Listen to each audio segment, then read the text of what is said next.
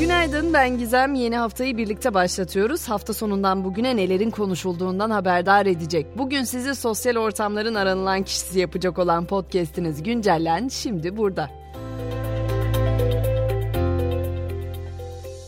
Çok sıcak, manasız bir sıcak var, insanın canını sıkan türden. Öyle ki sıcaklıkların olağanüstü derecede olduğunu NASA da onaylamış durumda. Bu Temmuz ayının binlerce olmasa da yüzlerce yılın en sıcak Temmuz ayı olduğu ifade ediliyor.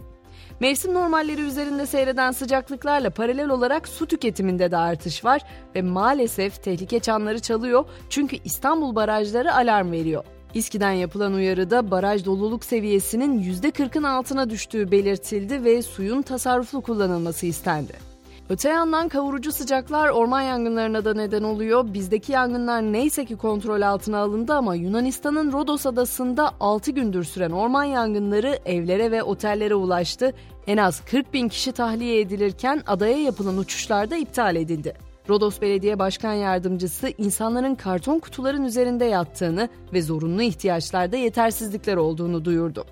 Gelelim alev alev yanan başka bir şeye ceplerimiz benzine bir kez daha büyük zam geliyor. Bu gece yarısından itibaren benzinin litre fiyatına 2 lira zam yapılacak. Aman diyeyim depoları doldurma işini yarına bırakmayalım. Önemli de bir araştırma var. OECD ülkeleri arasında ailesini geçindirmekte en çok zorlanan ebeveynler Türkiye'de yaşıyor. Araştırmaya göre ailelerin %70'inden fazlası temel ihtiyaçlarını karşılayamamaktan endişeli. Türkiye'nin ardından Şili ve Meksika'daki ebeveynler geçim derdini en çok hissedenler olarak araştırmada ilk 3 sırayı oluşturdu. En az geçim derdi yaşayanlarsa Danimarka, Hollanda ve İsviçre'de yaşayan aileler. Sıcaklar, geçim sıkıntısı vesaire derken geri plana attık ama deprem de ülkemizin bir gerçeği biliyorsunuz. Bu konuda birçok hayatı kurtarabilecek yeni bir gelişme var. Yayımlanan bir bilimsel araştırmaya göre iki jeofizikçi büyük depremler meydana gelmeden yaklaşık 2 saat önce gürültüyle beraber ortaya çıkan bir sinyal gözlemledi. Bu kıymetli bir bulgu ancak henüz var olan teknolojideki sensörlerle pratikte kullanılamıyor. Araştırmacılar artık geriye sensörlerin teknolojisi ve hassaslığını geliştirmemiz kaldı ifadelerine yer veriyor. Sistem pratiğe dökülürse büyük depremler 2 saat öncesinden tahmin edilebilecek. Bunun da insanlık adına yapılmış en iyi buluşlardan biri olacağı kesin. Geçiyorum sosyal medya alemine. Twitter'ın ismi ve logosu değişiyor. Doğru duydunuz. Yakında Twitter markasına ve yavaş yavaş tüm kuşlara veda edeceğiz paylaşımı yapan Elon Musk, Twitter'ın ismini X olarak değiştireceğini açıkladı. Logosu ise her an değişebilir. Milyonlarca kullanıcıya sahip Instagram'da ise en fazla kitleye ulaşıp en çok kazanan isimler belli oldu. Listenin zirvesinde Instagram'da en çok takipçiye ulaşan bireysel hesap konumunda olan Cristiano Ronaldo var. Öyle ki Ronaldo sponsorluk gönderisi başına 2 milyon 397 bin dolar kazanıyor.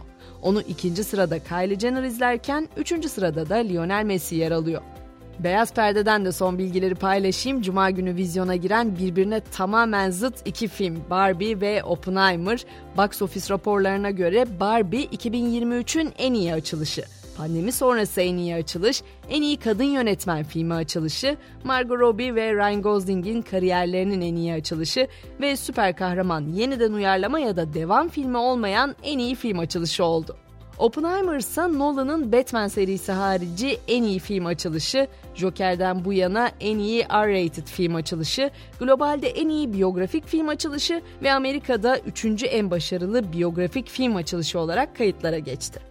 Artık spor diyelim Galatasaray'dan Fenerbahçe'ye yılın çalımı geldi desek yeri Sarı Kırmızılılar Fenerbahçe'nin uzun süredir transfer etmek istediği Zaha ile anlaştı. Galatasaray'ın Zaha'yı İstanbul'a getirdiği dakikalarda Icardi ile de sözleşme imzaladığı belirtildi. Formula 1'de ise Macaristan Grand Prix'sinde de kazanan isim Max Verstappen oldu. Red Bull'un Hollandalı pilotu böylece bu sezon ard arda 7. toplamda 9. birinciliğini elde etti. Biz de böylece günün ve haftanın ilk güncelleninin sonuna gelmiş olduk. Bu sabah mottomuz Charles Bukowski'den. Şöyle diyor. Şimdiki boş vermişliğim bir zamanlar çok önemsemişliğimin sonucudur. Akşam 18'de yeniden görüşelim derim. Şimdilik hoşçakalın.